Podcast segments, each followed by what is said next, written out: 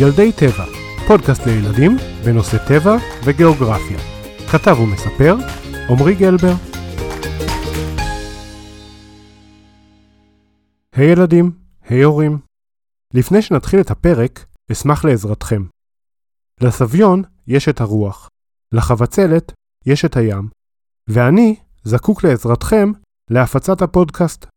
אז אשמח אם תוכלו לשתף את הפוסטים בפייסבוק, לדרג היכן שניתן, וכמובן, לעקוב אחרי העמוד בפייסבוק.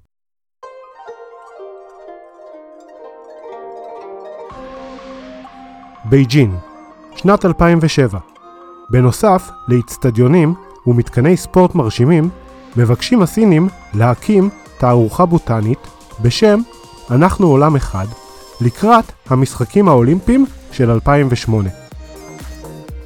הסינים פונים לכל מדינות העולם ומבקשים את העץ הלאומי ואת הפרח הלאומי לשתילה בתערוכה. אבוי, אין לנו לא עץ לאומי ולא פרח לאומי. ישראל, באופן מאוד מפתיע, לא הייתה מוכנה. נערכו בחירות בזק. עץ הזית נבחר כעץ הלאומי. בחירה טובה לכל הדעות. אבל עיקר העניין היה בתחרות על הפרח הלאומי. לבסוף, לאחר לילה דרמטי במיוחד, גברה הרקפת על הכלנית בפער קולות זעום, ופקעות רקפת נבחרות עשו דרכם לסין הרחוקה. אוהדי הכלניות לא שקטו, ובשנת 2010 נערכו בחירות נוספות, בהן גברה הכלנית על הרקפת, וכיום בדפי ההיסטוריה, כלומר בוויקופדיה, רשומה הכלנית כפרח הלאומי של ישראל.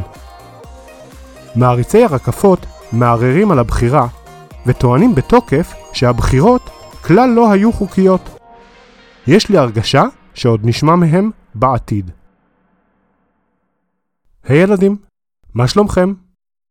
אתם זוכרים שסיפרתי שבמהלך כתיבת הפרק על המדבר נעזרתי בהגר לשנר מדעת המדבר? בתחילת שיחתנו על המדבר, ובלי קשר אליו, סיפרה לי הגר על הרקפת, פרח שהיא מאוד אוהבת. תיאוריה וסיפוריה קנו אותי, והרקפת אהובה מאוד על משפחתי.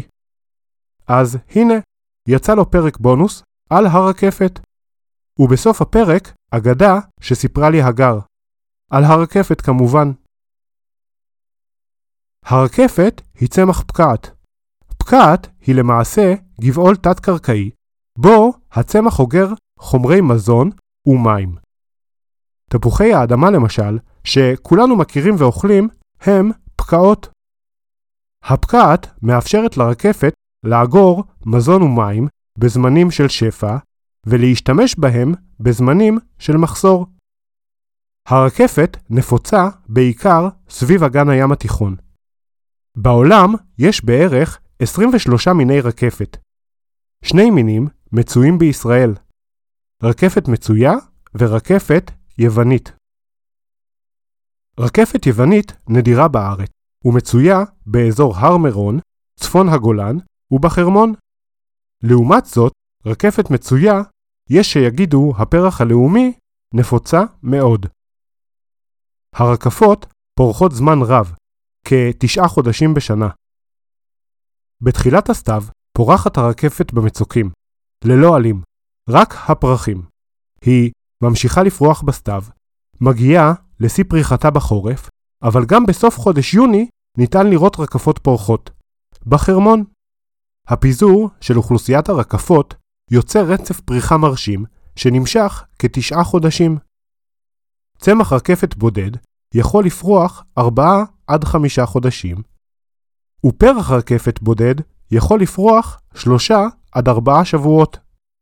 לרוב, פרחי בר לא פורחים יותר משבוע.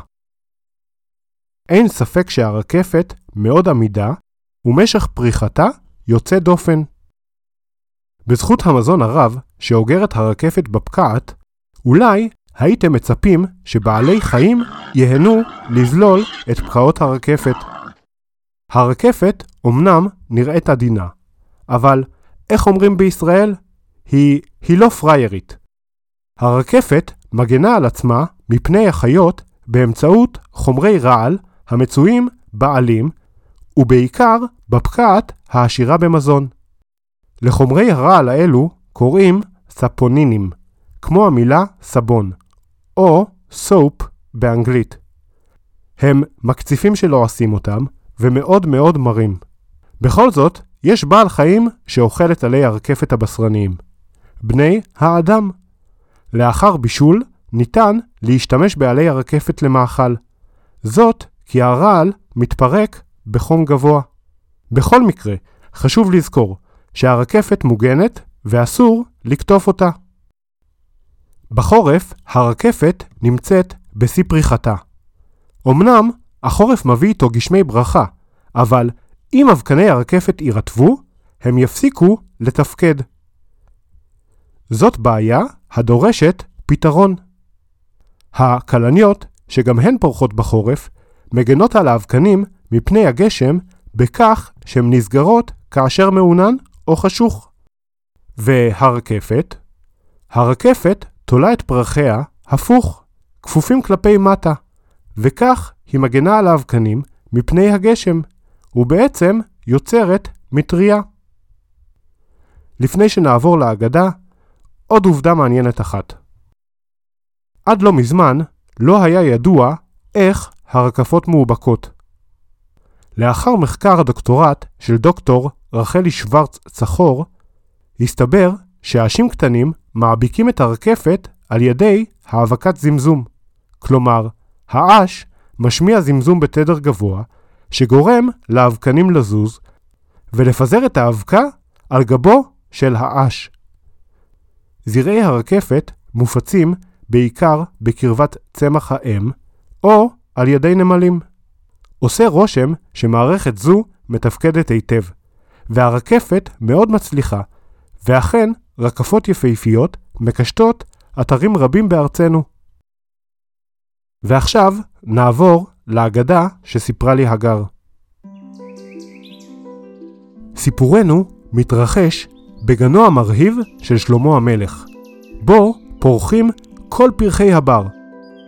בלב הגן פורחת רקפת, ענקית ויפהפייה ועם ריח נפלא.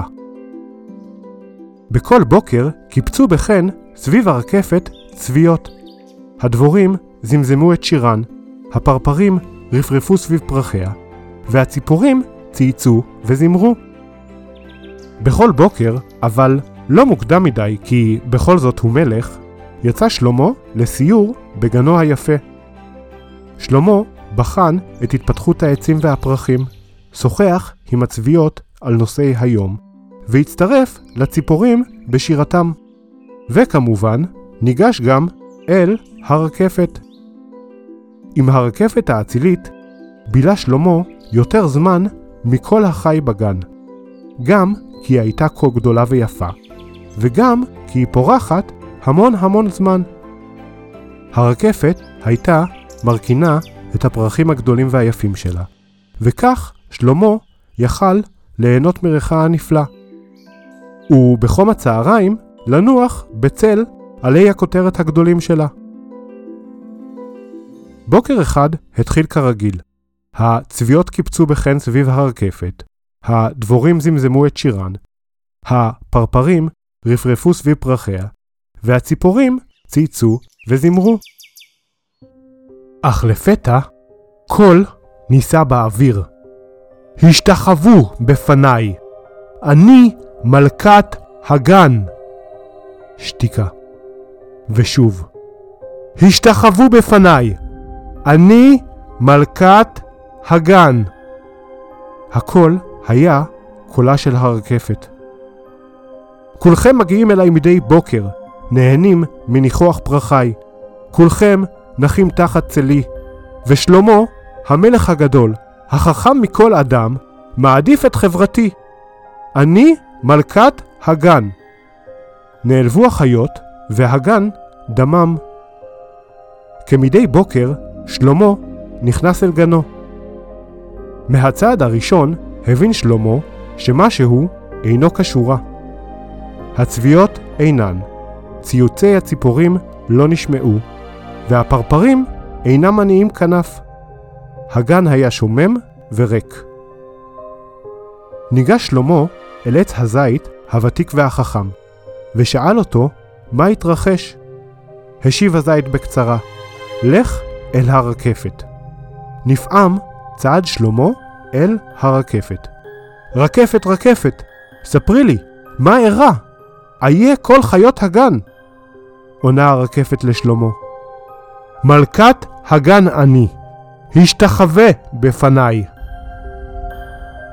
שלמה לא האמין לאשר שמע, ועזב את גנו בסערה ובכעס. שקעה השמש, וחשיכה ירדה על הגן. בחסות הליל הרים אלוהים את הרקפת, הקטין אותה לגודלה המוכר, והעביר אותה אל שולי הגן, בין הסלעים קרוב לגדר.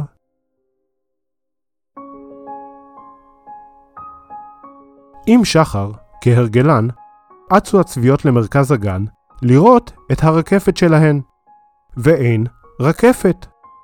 איפה הרקפת? שאלו החיות. הצביעות חיפשו נמרצות. הדבורים עצרו את ליקוט הצוף ויצאו לחיפושים. הפרפרים ניסו לאתר את ריחה המתוק, והציפורים תרו אחר פרחיה הוורודים והגדולים. לבסוף, דבורה אחת, זקנה וחכמה, עם חוש ריח מפותח במיוחד, הריחה את ריחה העדין והמתוק של הרקפת, בפינת גן רחוקה. עפה הדבורה לעברה, ומצאה את הרקפת. קטנה וצנועה, אך ראשה עודנו זקוף מעלה. קראה הדבורה לכל החיות, מצאתי את הרקפת! מצאתי את הרקפת! הגיעו הצביות, הציפורים, הפרפרים וכל שאר חיות הגן. שאלו החיות, רקפת, רקפת, מה קרה לך? הרקפת, שפעם הייתה לב הגן, הרכינה ראשה מרוב בושה. פרצופה הסמיק, ומאז ועד היום היא צנועה וקטנה. ראשה רכון, פרצופה סמוק, אבל עדיין היא יפה מאין כמוה, וריחה נפלא.